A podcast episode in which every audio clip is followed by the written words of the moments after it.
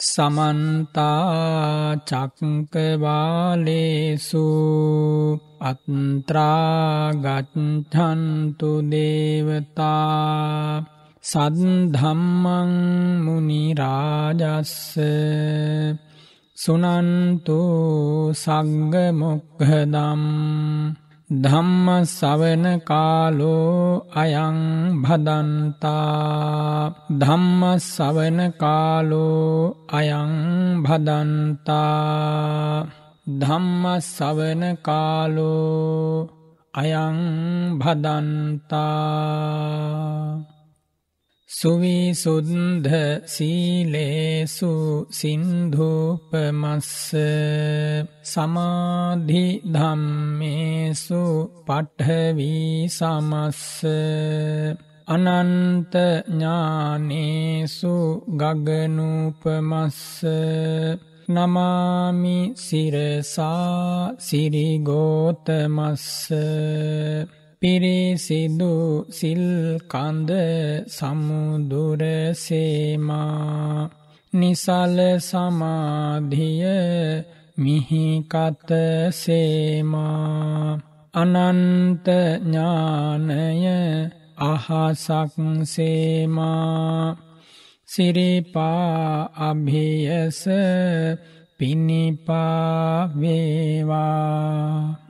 මෝහන්ධකාරේසු සුරියූපමස්ස සංසාර සෝතේසු සේතූපමස්ස දෝසප්පවාහේසු මේඝූපමස්ස නමාමි සිරසා ධම්මාමතස්ස මොහන්දුර සිින්දලන ලාහිරුසේමා සසරදියඹ මැද පහුරක් සේමා. කෙලෙස් කිලුටු හල වැස්සක් සේමා. සදහම් රුවනට පිණිපා වේවා. පටිපත්ති සාරේසු සම්මාටිතස්ස උජුභූත මග්ගේසු යානාගතස්ස කුසලේසු ධම්මේසු කෙත්තෝපමස්ස නමාමි සිරසා සුගතෝරසස්ස පිල්ලිවෙත් සරුවෙයි සුවඳක් සේමා. දම් රස දනවයි මිහිරක් සේමා. පින් ගඟ ගලනා නිම්නය සේමා. මහසංගරුවනට පිණිපා වේවා.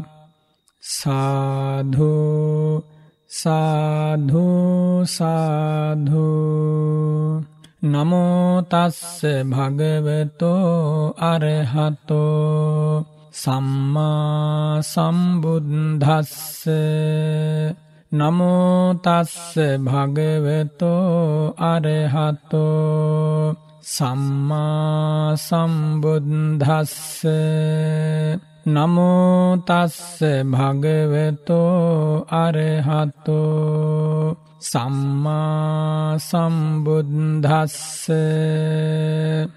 සාඛාපත්ත පලුපේතෝ කන්දිමාව මහාදුමෝ මූලවා ඵල සම්පන්නෝ පතිට්ඨා හෝති පක්ඛිනං මනෝරමේ ආයතනේ සේවන්තිනං විහංගමා ඡායං ඡායත්තිකායන්ති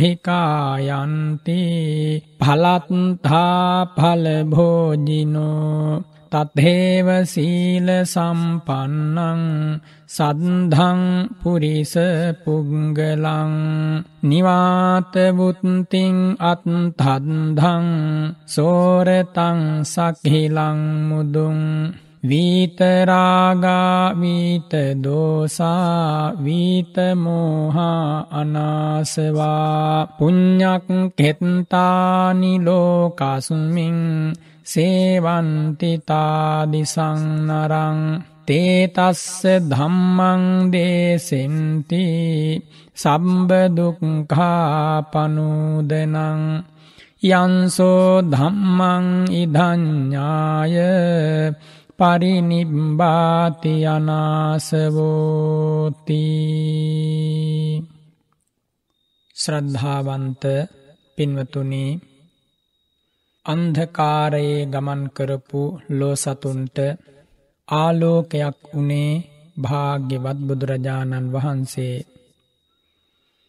මගතොට හරි හැටි නොදැන ඔහේ ඉබාගාති ඇවිදගිය ලෝ සතුන්ට නිවන් මග සුගති මග පෙන්වා වදාලේ භාග්‍යවත් බුදුරජාණන් වහන්සේ.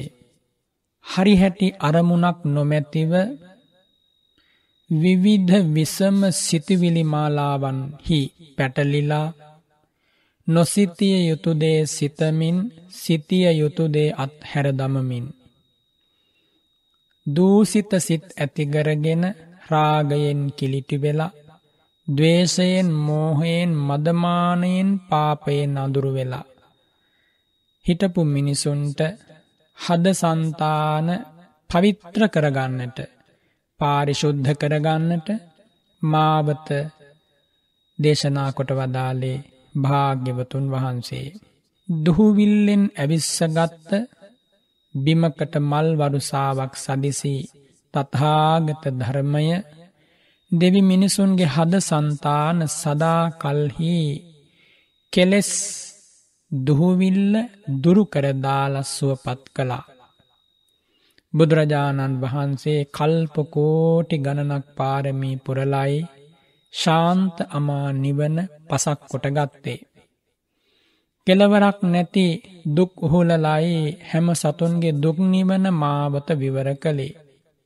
අපමණ අතහැරීම් සිද්ධ කරලායේ ලෝ සතුන්ට සියලු සැනසීම ලබාගන්නා මාවත කියා දුන්නේ.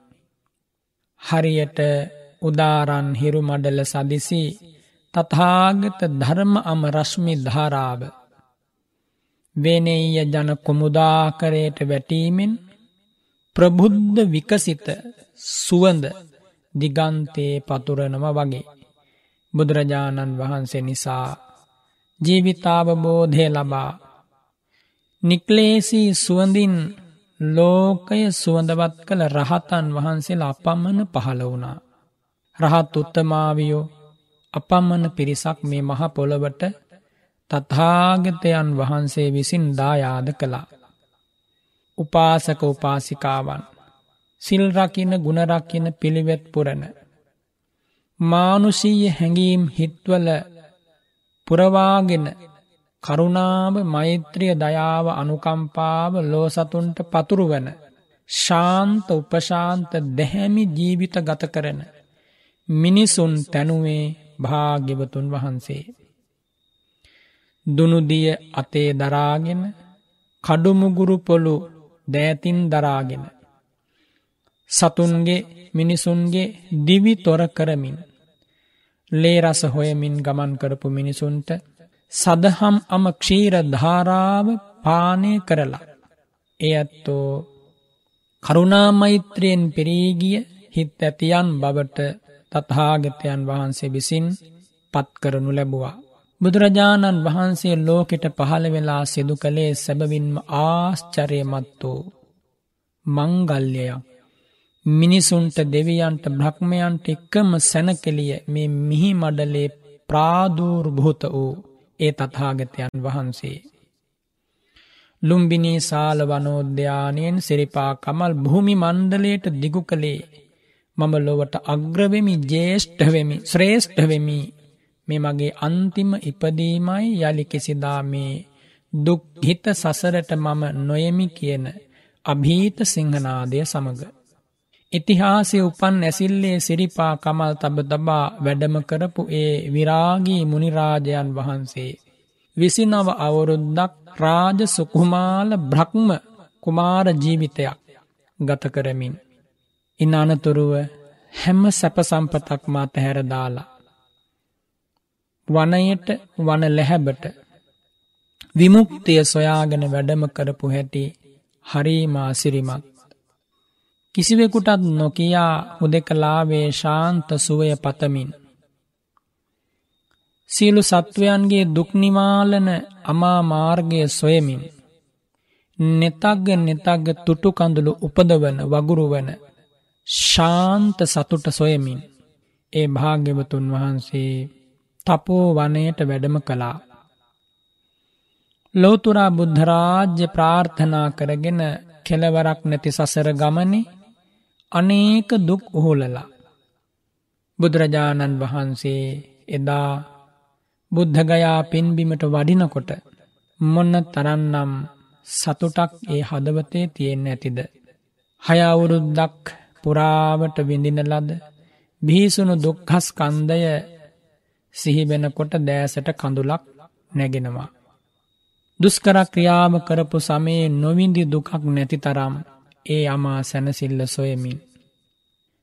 පුරාවුරුදු හයක් තිස්සේ රාජකුමාරයෙක් වන läහැබකට වෙලා මහා අන්ධකාරයේ හරිහැටි කෑමක් බීමක් ඇඳුමක් පැළඳුමක් නැතුව දුක් විඳපු හැටි හරි පොදුමයි.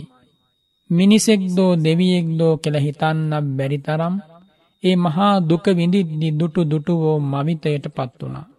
අවසානයේ අප මහා සිද්ධාර්ථ බෝසතාණන් වහන්සේ සියල්ල ජයගත්තා. වෙසක් සඳේ සීතල රස්මි මණ්ඩලය මැද. මේ භූගර්භයේ මධ්‍ය ලක්ෂය වූ වජ්‍රාසන භූමියට විදුරසුන අරා වැඩ සිටින්ට වැඩම කරපුයේ වෙසක් පුන් පොහෝ දවස සිහිපත් වෙනවා.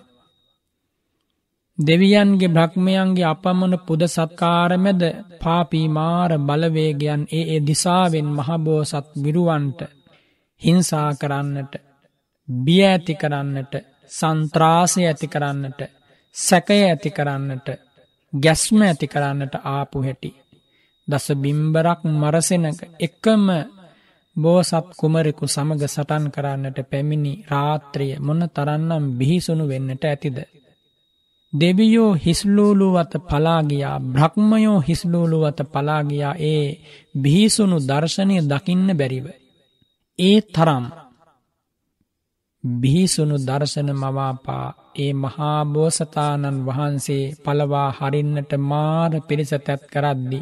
අනාදිමත් සසරක් පුරාවට පුරණ ලද පාරමී ධර්ම නැමැති. සැතින් ඒ සියලු මාර සතුරු සේනාව පලවා හැර මේ මහී මණ්ඩලයට ප්‍රතිඥා ලබා ගැනීමේ ශීර්ෂයෙන් දකුණු ශ්‍රී හස්තය දිගු කරලා. කෙලවරක් නැති සසර ගමනේ මහා දන්දුන් බව සත්‍යයි මේ මහා පොළොව මට සාක්ෂි වෙනවා නෙවෙද මේ විදිහට.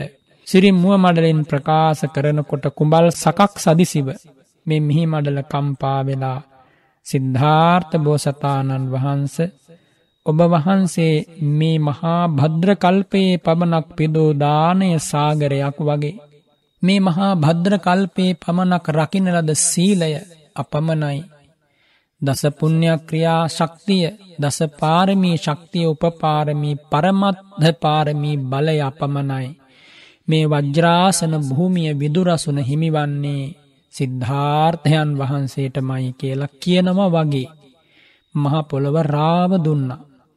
මාර පිරිස හිස්ලූලුවත පලාගයා මාර බලය විධමනය කරලා රාත්‍රියයේ වෙසක් පුන් පොහෝ දබසේ පුබ්බේ යාමයේදී පෙරයාමයේදි පුබ්බේ නිවාසානුස්මෘති ඥාන බලය මධ්‍යම යාමයේදී චුතූපපාත ඥාන බලය පස්්ජිමයාමේදී අනන්තඥාන ගුණ බලයෙන් පිරිවරණ ලද සරුවක්ඥතාක් ඥාන බලය ආසවක්ෂය කර ඥානය සමගින් ලබාගෙන ශ්‍රී ශරීරයෙන් රශ්මි ධාරා දිගන්තයට වියදුවන ආනු භාව සම්පන්න සම්මා සම්බුද්ධ රාජ්‍යයට පත්වනේ ලෝ සතුන්ට අමා ශාන්තිය ලබාදීමේ පිවිතුරු බලාපොරොත්තුවෙන්.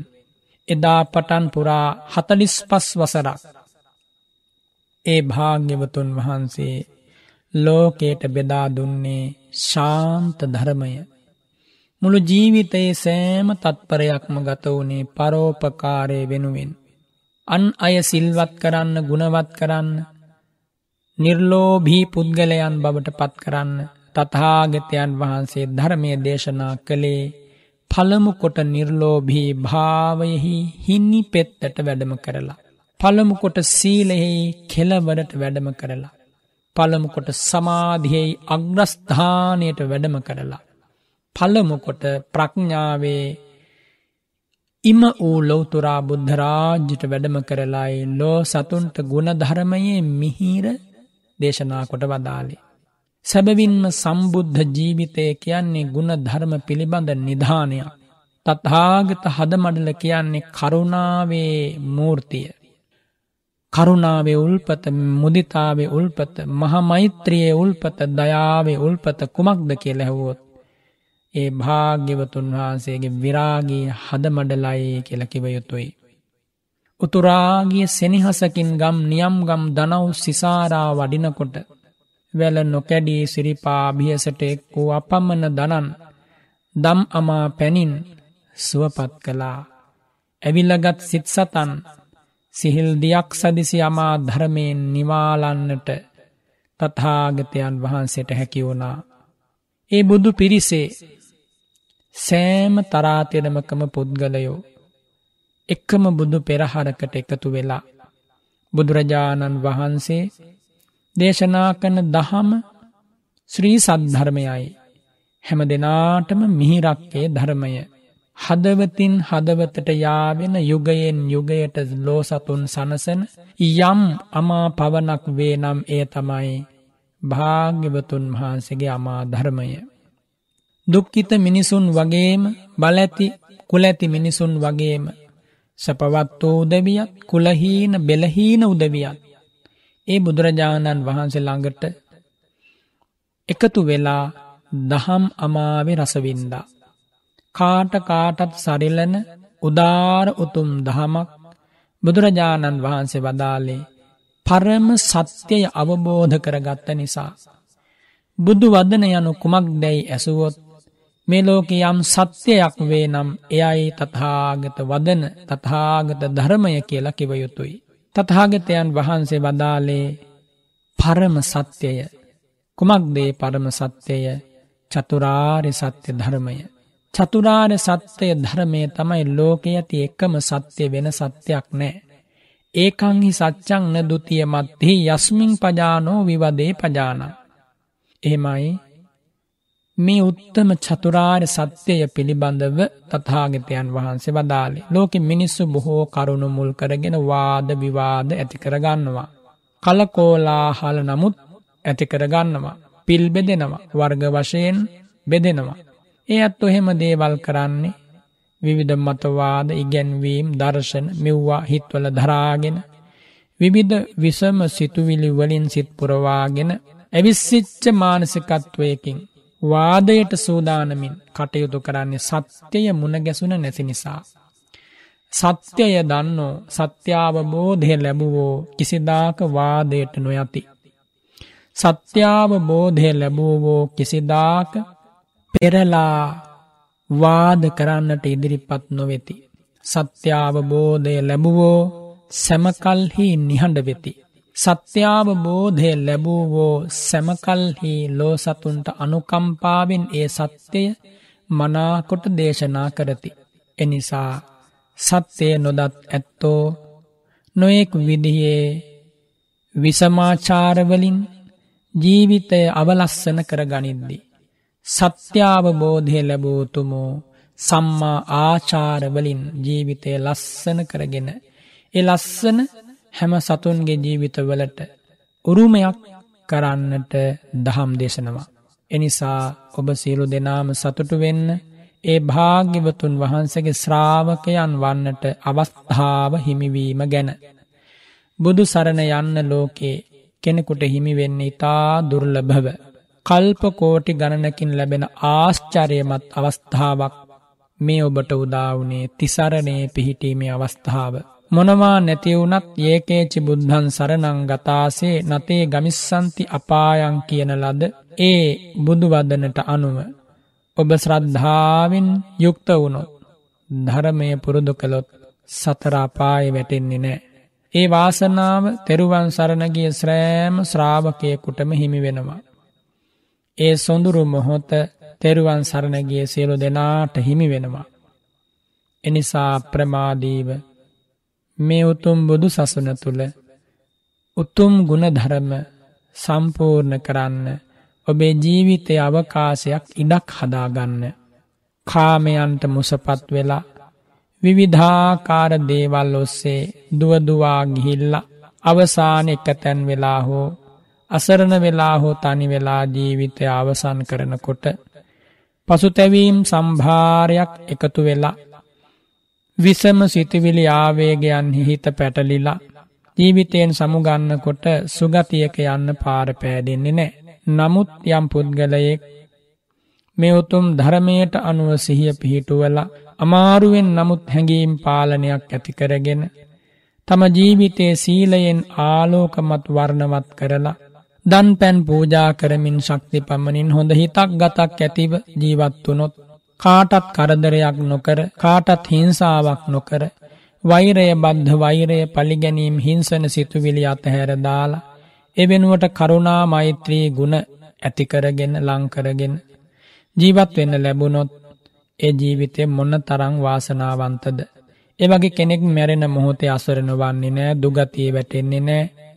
සුගතිසුව නිවන්සුව ලැබෙන්නේ බඳු කෙනෙකුට. මේ බුදුසසුනේ ආදියත් මධ්‍යයත් අවසානයත් ශ්‍රද්ධාවෙන් සමලංකෘතයි. එයින් අදහස් කරන්නේ ශ්‍රද්ධාව නැත්නම් මේ උතුම් දහම ජීවිතයට ගලපගන්න ලැබෙන්නේ නෑ. ශ්‍රද්ධාවන්තයාට පමණක්මයි තථාගතයන් වහන්සේ වදාළ ධර්මය සැදැහැති දනන් තථාගත ධර්මයෙන් සුවපත් වූ හැටි හරි පුදුමයි. ඉතිහාසයේ හිටපු මිනිසුන්ට බුදුරජාණන් වහන්සේ ගැන අපම්මන ලෙන්ගතුකමක් හරදයංගම බවක් ආදරණීය බවක් ගෞරවනීය බවක් ඒ අත්තන්ගේ ජීවිතවල තිබුණා. බුදුරජාණන් වහන්සකින් තොර ජීවිතයක් ඒ ඇතන්ට තිබුණෙන් නැති නිසා තමයි. මහා ගල්කුළුවලින් ගල් පර්වතවලින් උපශාන්ත කරුණා විලාසේ ලෝකෙට පෙනෙන බුදුරුව මතු කළේ. එයත් අගේ ජීවිතවලට බුදුරජාණන් වහන්සේ හැර වෙන වස්තුවක් නැති නිසා තමයි මහා පරුවත කඳු ගැට සදිසි චෛත්‍යස්ථාන මේ මහපොළොවේ ඉදි කළේ. බුදුරජාණන් වහන්සේ හැර සම්පතක් නෑ කියල දැනගත්ත නිසා තමයි. මහා වන ලැහැබවල් අරන්නේ සේනාසන තපෝ භූමීන් බවට විහාරා රාම බවට පත් කළේ. හරිම පුදුමයියේ රමණීය ඉතිහාසය.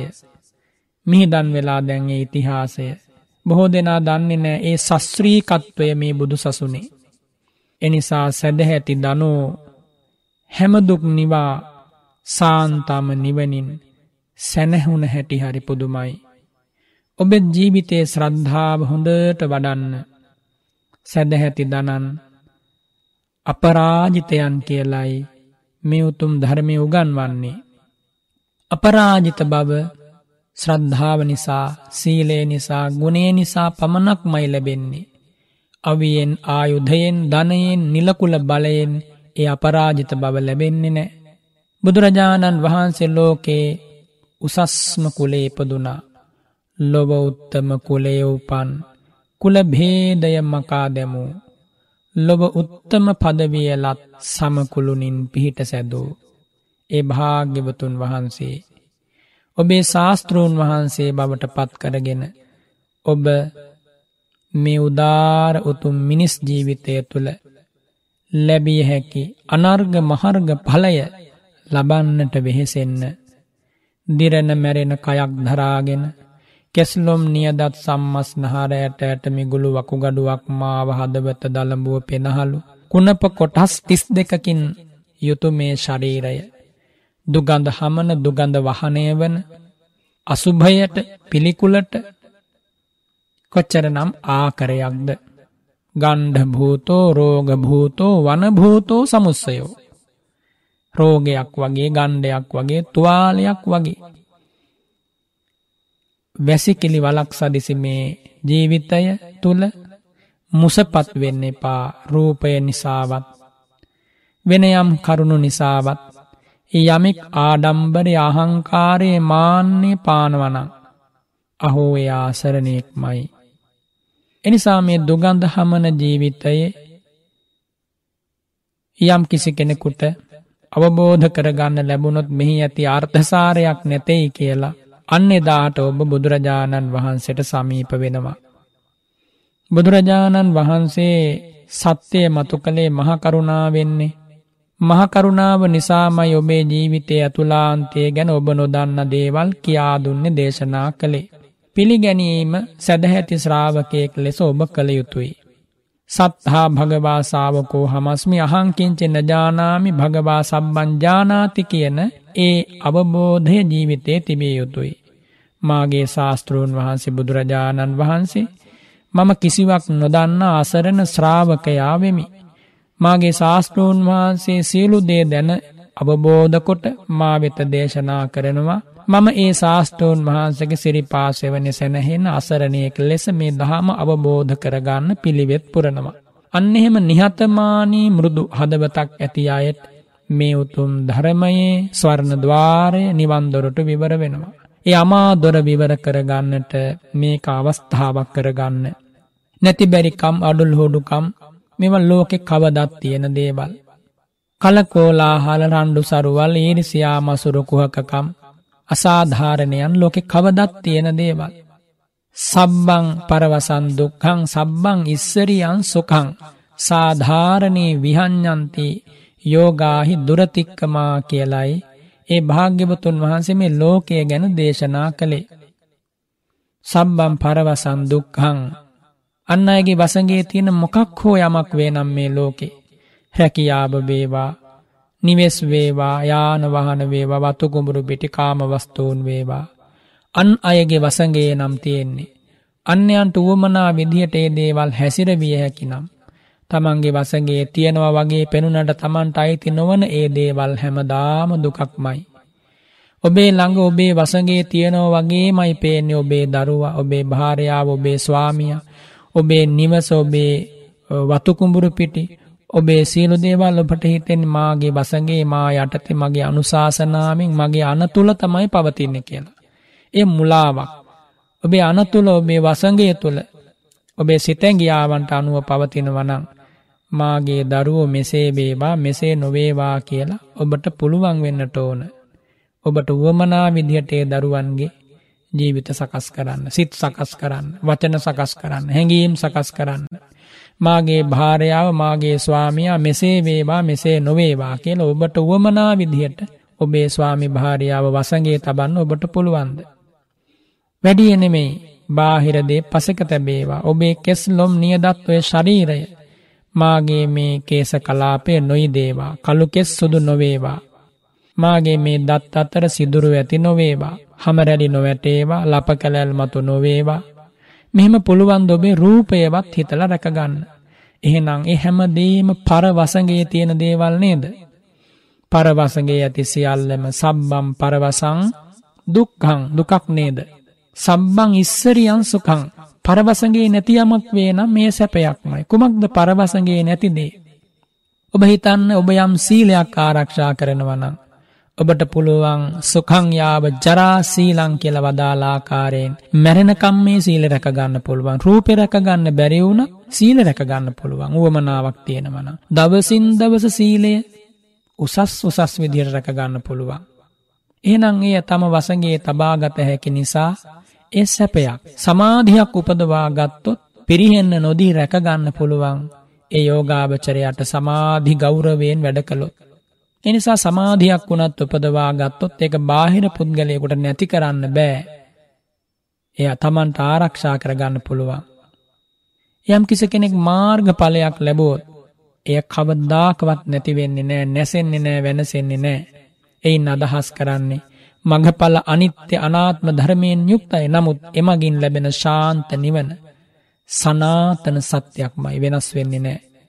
එනිසා අන්නෙ බඳු උදාර උතුම් ගුණ ධර්ම ජීවිතය සම්පූර්ණ වුණොත් එමගින් කිසිදාක කිසිවෙකුට හිංසනයක් භීසනයක් තැති ගැනීමක් පාඩුවක් ඇතිවෙන්නේ නෑ සම්බං ඉස්සරියන් සුකං කියලවදාලේ ඒ කාරණය.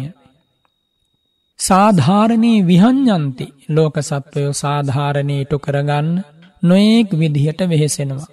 නොයෙක් දේවල් කරනවා. සාධාරණය ඉටු කරගන්න.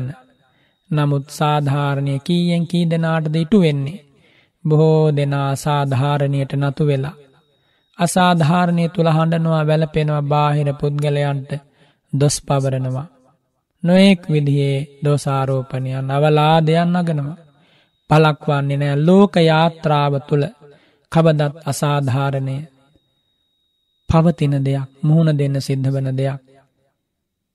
ඊට හේතුව තමයි මේ ඉපදෙන මැරෙන සසර දුකේ නිමග්නව නැවත නැවත ජාතිය ජරාව මරණය හිමිකර ගනිමින් සසර දනව්වේ සැරිසැරීම. යම්තාක් සසර දනව්වේ චාරිකාවේ යනවද ඒ තාක් අසාධාරණයට මුහුණ දෙන්න වෙනවා. ඒ තාක් හිංසනයට වද බන්ධනයන්ට මුහුණ දෙන්න වෙනවා. අභූත චෝදනාවන්ට මුහුණ දෙන්න වෙනවා. අස්ධාන භීතීන්ට මුහුණ දෙන්න වෙනවා. අකමැති දේවල් වලට මුහුණ දෙන්න වෙනවා. අප්‍රිය පුද්ගලයෝ හා එකතු වෙන්න වෙනවා. ප්‍රිය පුද්ගලයෝ වෙන් වෙන්න වෙන් වෙලා යන දුක විඳින්න වෙනවා. මහා දුක්කම් කටලු කායික වශයෙන් ඇති වෙනවා ඒවා විඳින්න වෙනවා. මානසික පීඩාවන් විඳින්න වෙනවා. අනපේක්ෂිත ලෙස බොහෝ දේවල් වලට මුහුණ දීලා. මහා ධනහානීන්ට නිලහානීන්ට කුල බලහානීන්ට මුහුණ දෙන්නත් වෙනවා. එහෙම දෙයක්ම පුද්ගලයකුට යහපත පිණිස නෙවෙයි දුක පිණිසනි පවතින්නේ. එනිසා සසර තතු ඔහොම තමයි. සංසාරයේ ගමන් කරමින් කවදාකවත් ඒ දේවල් නොලබා ඉන්න හිතුවට වැඩක් නෑ. හැම දුකක් මායිති සසරටයි හැම සැනසීමක් මායිතින් නිවනටයි. එනිසා නිවන්සුවය පරමසුවේ ලෙස බුදුරජාණන් වහන්සේ වදාලා නිබ්බානම් පරමන්සුකං කියලා. නිවන් දකින්න පිළිපන් ශ්‍රාවකයාගේ ජීවිතය තිබිය යුතු උදාර ගුණ ධර්ම අතර ශ්‍රද්ධාව මහා වටිනා බලයක් වටිනා ඉන්ද්‍රියක් වටිනා ශක්තියක් බුදුරජාණන් වහන්සේ වදාරෙනවා තත්හාගතයන් වහන්සේ ගැන අවබෝධයෙන් යුතු චිත්ත ප්‍රසාදයක් යමකුගේ හිතේ තියෙනවනං. අන්නේ චිත්ත ප්‍රසාදයට කියනව ශ්‍රද්ධාව කියලා. සද්ධරමය පිළිබඳවත් මහා සංගරුවන පිළිබඳවත් ගුණ දන්නා නුවනින් යුතු චිත්ත ප්‍රසාදය අවබෝධාත්මකව ඇතිවන ඒ මහා ගෞරවනීය හැඟීම ආදරණීය හැඟීම ප්‍රේමණීය හැඟීම තෙරුවන් වහන්සේලා පිළිබඳව ශ්‍රද්ධාව කියලයි නිර්වචනය කරන්නේ. එවන් ශ්‍රද්ධා මාත්‍රයක් යම් හදවතක වේ නම් ඔහු මහමාවතේ හිඟාකන්නෙක් වුණත් පොහොසතෙක් කියලයි බුදුරජාණන් වහන්සේ වදාලේ. සද්ධීද විත්තං පුරිසස්ස සෙත්තං පුරුෂයාට ඇති මිනිසාට ඇති වටිනා ධනය ශ්‍රද්ධාවයි. පංචිමේ භික්කවේ සද්ධේ කුලපුත්තේ ආනිසංසා කතමේ පංච මහනෙනි ශ්‍රද්ධාව තියෙන කුලපුත්‍රයෙකුට ආනිසංස පහක් ලැබෙනවා මේ ලෝකේ. මොනවදේ පහ. ඒතේ භික්හවේ ලෝකයේ සන්තෝ සප්පුරිසා තේ සද්ධංගේව පටමං අනුකම්පන්ති. මහනෙනි මේ ලෝකෙ ඉන්නව සාන්ත සත්පුරුෂයෝ. කෞුද බුදුරජාණන් වහන්සේලා පසේ බුදුරජාණන් වහන්සේලා මහරහතන් වහන්සේලා ආර්යන් වහන්සේලා සත්පුරුසයෝ. සිල්වතුන් සත්පුරුසයෝ. අන්නේ සිල්වත් වූ ගුණවත් වූ නික්ලේසි වූ ආර්ය වූ සත්පුරුසයෝ යමෙකුට අනුකම්පා කරනවා නම් පළමු කොට අනුකම්පා කරන්නේ ශ්‍රද්ධාව තියෙන කෙනාටමයි. නෝ තතහා අස්සද්ධං ශ්‍රද්ධාව නැති අයට අනුකම්පා කරන්නේ නෑ. අනුකම්පා කරනවා කිව්වේ. ඒ උතුමෝ මහ කරුණාවෙන් ඒ වගේ අය දිහා ඉස්සෙල්ලාම බලනවා. කාටද ශ්‍රද්ධාව තියෙන්නේ. කාටද ආර්යන් වහන්සේලා ගැන සිතේ පැහැදීමක් තියෙන්නේ කියලා ඒ ඇත්තන්ට අනුකම්පාව මෛත්‍රිය පතුරුවනවා ඒ ආර්ය නික්ලේසි උතුම සත්පුරුසයෝ. සද්ධංගේව පටමං උපසංකමන්තා උපසංකමන්තේ. ශ්‍රද්ධාවන්තයන් වෙතමයි පළමුකොට දානට වඩිනවනං වඩින්නේ. ශ්‍රද්ධාවන්තයන් වෙතමයි ඒ ආර්යන් වහන්සේලා පළමු කොට සිව්පසේ සොයාගෙන වඩින්නේ. නෝ තත්හා අස්සද්ධං ශ්‍රද්ධාව නැති අය ළඟට යන්නේ නෑ වඩින්නේ නෑ. සද්ධස්සේව පටමම් පතිගන්හන්තා පතිගන්හන්ති. ශ්‍රද්ධාවන්තයන්ගේ දානයමයි පළමුකොට පිළිගන්නේ. නෝ තතහා අස්සද්ධං ශ්‍රද්ධාව නැති අයගේ දානෙ පිළිගන්නේ නෑ. පිළිගන්නේ නෑ කියන්නේ පළමුකොටම පිළිගන්නේ ශ්‍රද්ධාවන්තයන්ගේ දානය. බුදුරජාණන් වහන්සේ වදාරනවා. මේ විදිහට ශ්‍රද්ධාවන්ත උදවිය වෙත බුදුරජාණන් වහන්සගේ මහ කරුණාව යොමු වෙනවා. පසේ බුදුවරුන්ගේ කරුණාව මහරහත් උතුමන්ගේ කරුණාව යොමු වෙනවා ඒ ඇත්තො වෙත. ඒ ඇත්තු හොයාගෙන ඒ විරාගි උතුම වඩිනවා.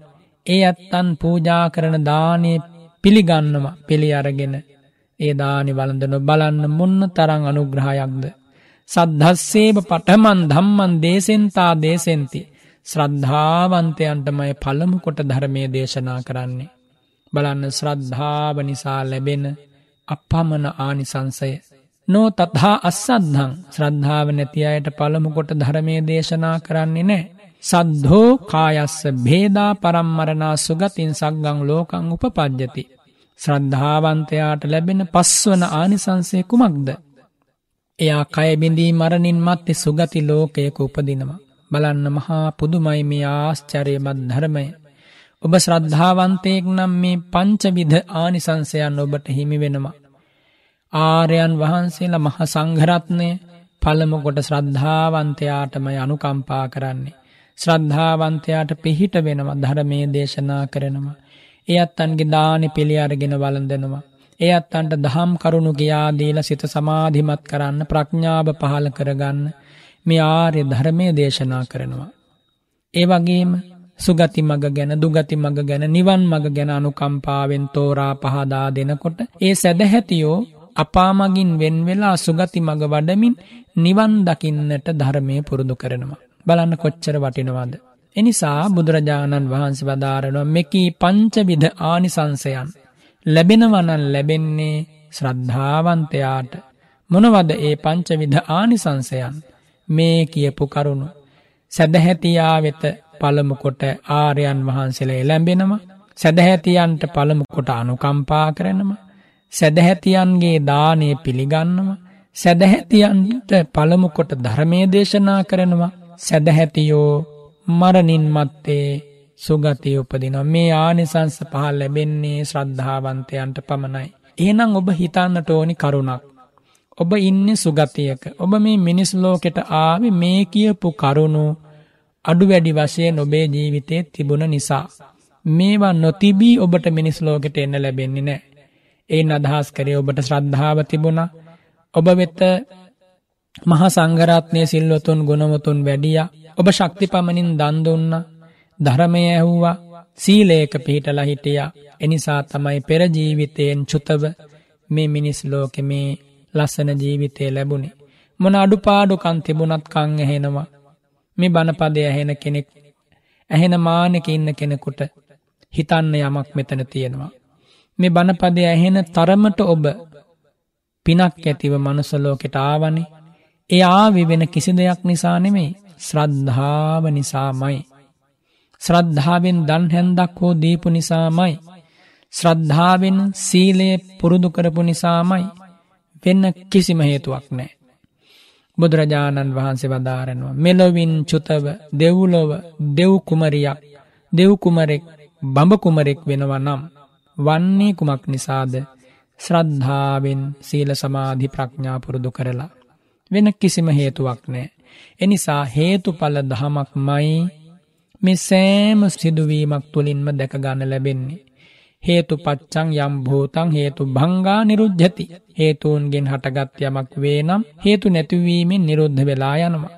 එනිසා බුදුරජාණන් වහන්සේ ඔය දහම් කරුණු වදාරමින් ශ්‍රද්ධාවන්තයාට ලැබෙන මේ පංචවිධ ආනිසංසයන් පිළිබඳව ශ්‍රී මුඛයෙන් දේශනා කළා. ඉමේ හෝ භික්හවේ පංච සද්ධේ කුලපුත්තයානිසංසා කියලා. ඉන් අනතුරුව වදාරෙනව සෙය්‍යතාපි භික්කවේ සුභූමියන් චාතුම් මහා පත්හේ මහා නිග්‍රෝධෝ සමන්තා පක්හී නම් පටිසරණං හෝති. මහනෙන සතරමං හන්දියක මහා නුගගසක් තියෙනවා. ඒ නුගගස බොහෝ කුරුල්ලන්ට සෙවන ලබාගෙන අතුවත්තර කැදලී දිකරගෙන සැනහිල්ලේ ඉන්න හේතුවක් පිහිටක් වෙනවා. ඒව මේව හෝ භික්කවේ සද්ධෝ කුලපුත්තෝ මහනෙනි අන්න ඒ වගේ ශ්‍රද්ධාවන්ත කුලපුත්‍රයා. බහුනෝ ජනස්ස පටිසරණං හෝති බොහෝ දෙනාට පිහිටක් වෙනවා. භික්කූ නම් භික්කුණී නං උපාසකානං උපාසිකානං. භික්‍ෂු භික්‍ෂුණි උපාසක උපාසකා කියන සිව්වනක් පිරිසටම පිහිට වෙනවා කොහොමද පිහිට වෙන්නේ. ශ්‍රද්ධාවන්ත කුලපුත්‍රයෝ අනාධ පින්ඩික සිටතුමා වගේ. භික්‍ෂු භික්‍ෂුණි උපාසක උපාසිකාවන්ට දන් දෙනවා. මහා දන්වට පවත්වනවා. ඒ අත්තන්ගේ ජීවිතවලට ඒ මහා සැදහැති කුලපුත්‍රයෝ මහා අනුග්‍රහයක් සපයනවා.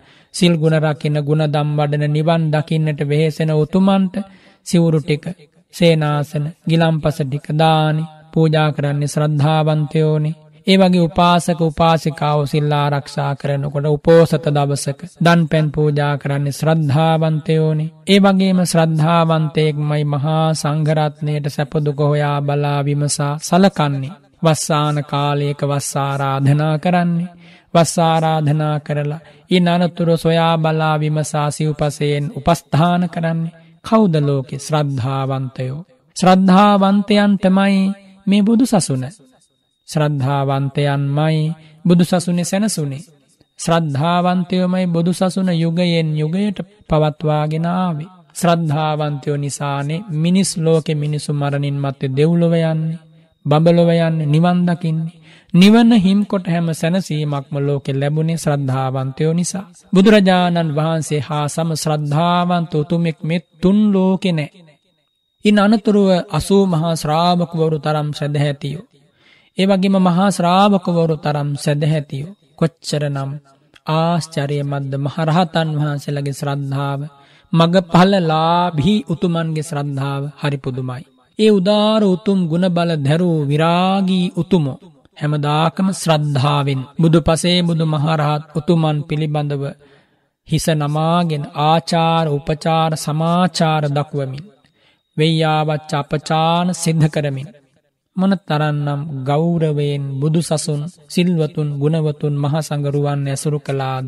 ඒ ශ්‍රද්ධාව අසිරිමත් බලය නිසා තම යදාපට රුවන්වැලි මහාසෑ සමිදු දකින්න ලැබෙන්නේ. ටූපාරාම මහාසෑ සමිදු මහබෝධීන් මහන්සේ සොළොස් මස්ථාන.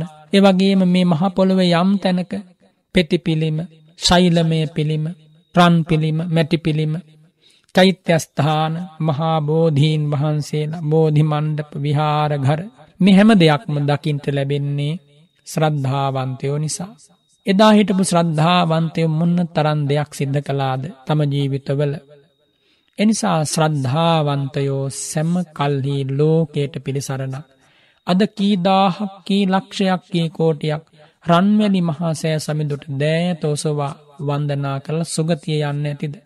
දුටු ගැමුණු මිහිපති දුන්ගේ හිතේ ඇතිවෙච්ච බලවත් ශ්‍රද්ධාව රහතන් වහන්සලගේ බලවත් ශ්‍රද්ධාව දෙවියන්ගේ බලවත් ශ්‍රද්ධාව මතින් ඉදි වූ රන්වැලි මහාසෑ සමිඳු පමණක් වනත් හිතට අරගෙන බලන්න උදාහරණයක් ලෙසාරම් බලන්න.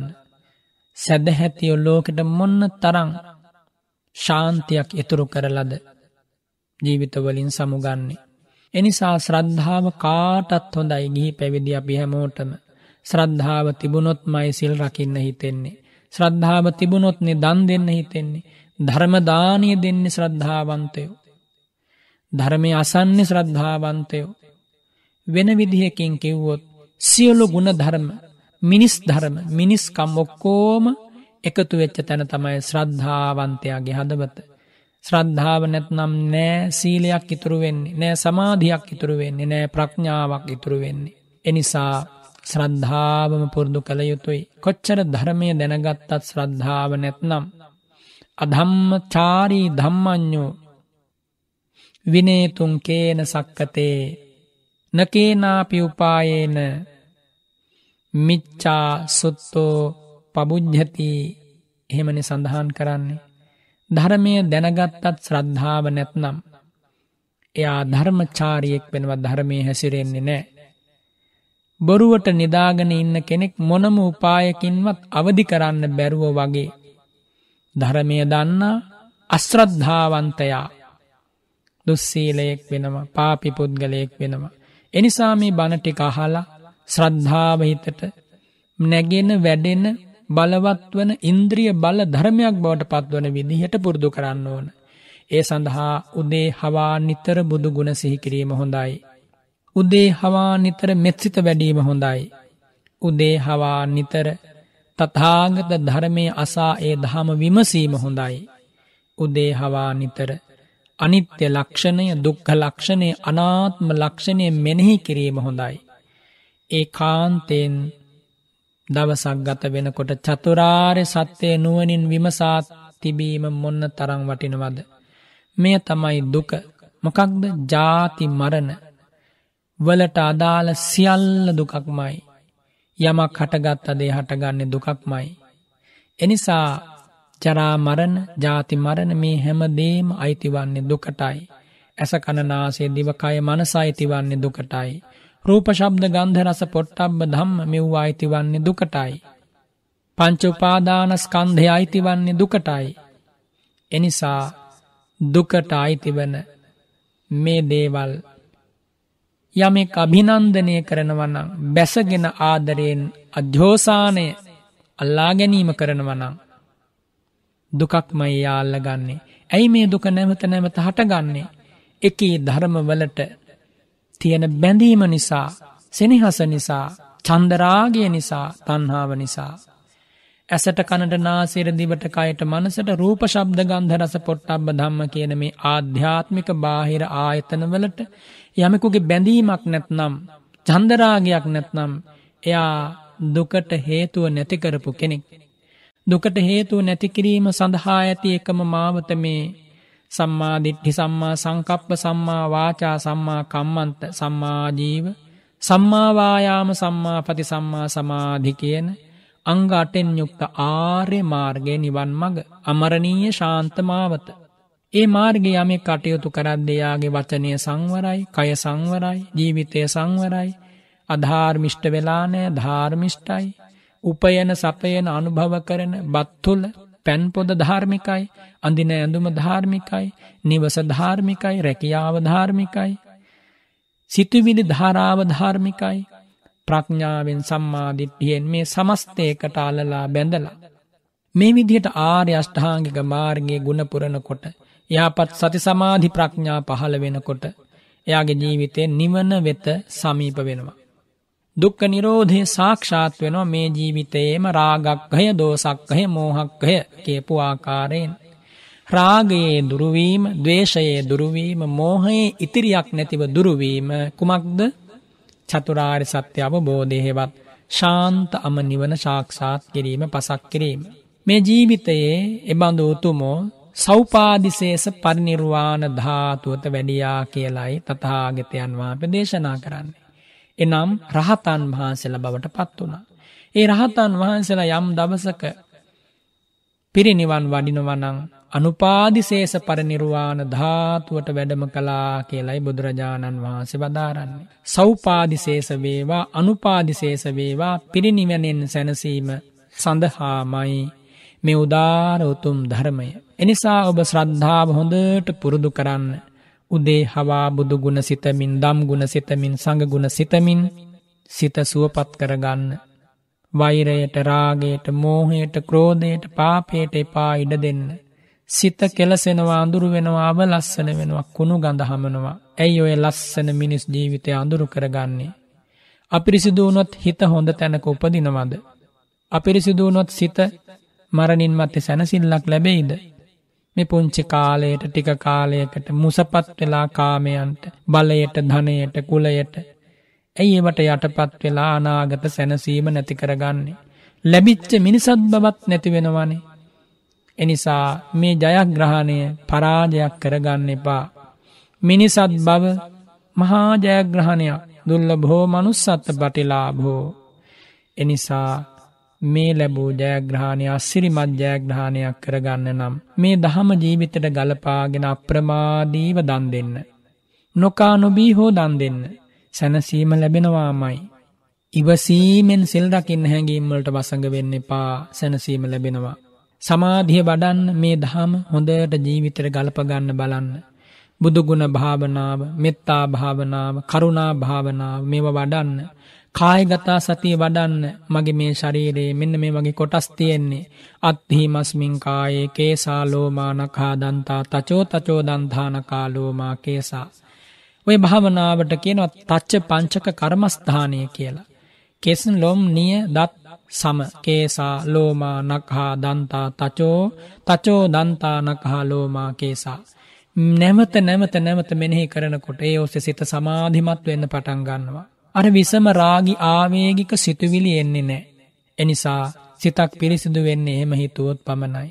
ඉන් අනතුරුව කෙස් අනිත්‍ය දුකානාත්ම අසුභ වසයෙන් ලොම් නියපොතු දත් සම් අනිත්‍ය දුකානාත්ම වසයෙන් බලනකොට ඒ ඔස්සේම නිවන් මඟ විවර වෙනවා. චතුරාර් සත්‍ය අවබෝධයක් ලබන්න. එයම මාවත වෙනවා. එනිසා බුදුරජාණන් වහන්සේ වදාළ ධර්මය පැටලිලි නෑ. කිසිම තැනක රහස් තැන්නේ ගුරු මුෂ්ටියක් නෑ පරම සත්‍යය ආලෝකයක් වගේ. අන්ධකාර අඳුරු ලෙන් සදිසි. ඔබේ ජීවිතය ආලෝකමත් වන්නේ මේ උත්තම ධර්මයෙන් පමණයි. විදුලිබුබුලු දහස් ගණනක් යට. සූර්යාලෝක දහස් ගණනක් යට ප්‍රභාස්වරව හිටියත් වැඩක් නෑ. සමබබලන දේවල් තවරාගෙන. ශරීරයේ බබලන විසුතුරු කරන දේවල් ආලේප කරගෙන. හිටියට පලක් නෑ රාගයෙන් අඳුරු සිතක් නම්. දවේශයෙන් දුෂ්ට සිතක් නම් මෝහෙන් මෝහිත සිතක් නම්.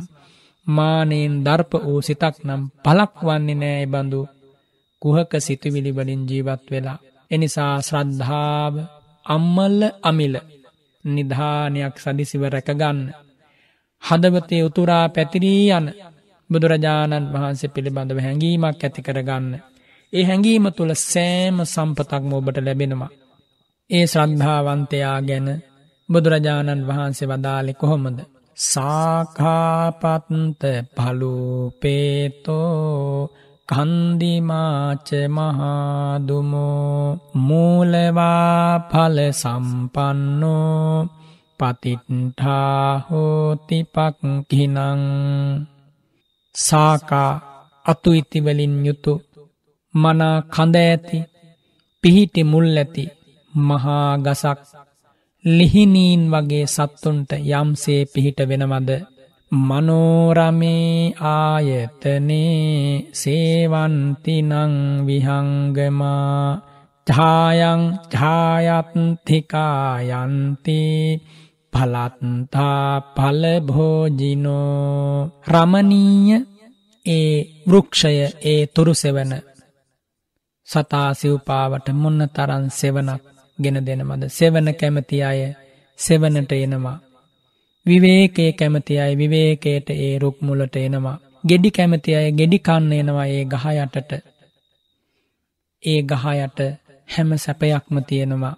තත්හේව සීල සම්පන්නං සද්ධං පුරිස පුංගලං නිවාතවුත්තිං අත්හන්දං සෝරතං සක්හිලං මුදුන් අන්න ඒ වගේ සීල සම්පන්න ශ්‍රද්ධා සම්පන්න උත්තම ගුණඇති පුද්ගලයෙක් වේ නම් නිවාතවුත්තිං යටහත් පැවතුම් ඇති දැඩි නොවූ වෙඩරු පිඩක් සදිසිව උනුවෙන හදවතක් ඇති.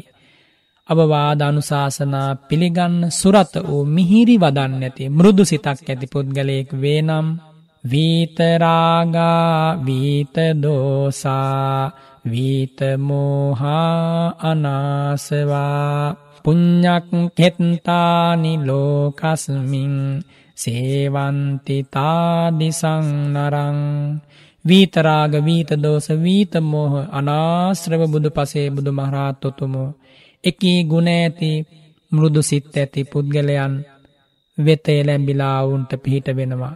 ඒ පින්කෙත් පුුණ්ඥක් ශේස්ත්‍රයන් තාදිසං අරන්සේ වන්ති එකී ගුණ ඇති මිනිසුන්ට පිහිට වෙන්න. ඔවුන්ගේ නිවෙස්වලට ගම්දොරට අතුපැලට වඩිනවා.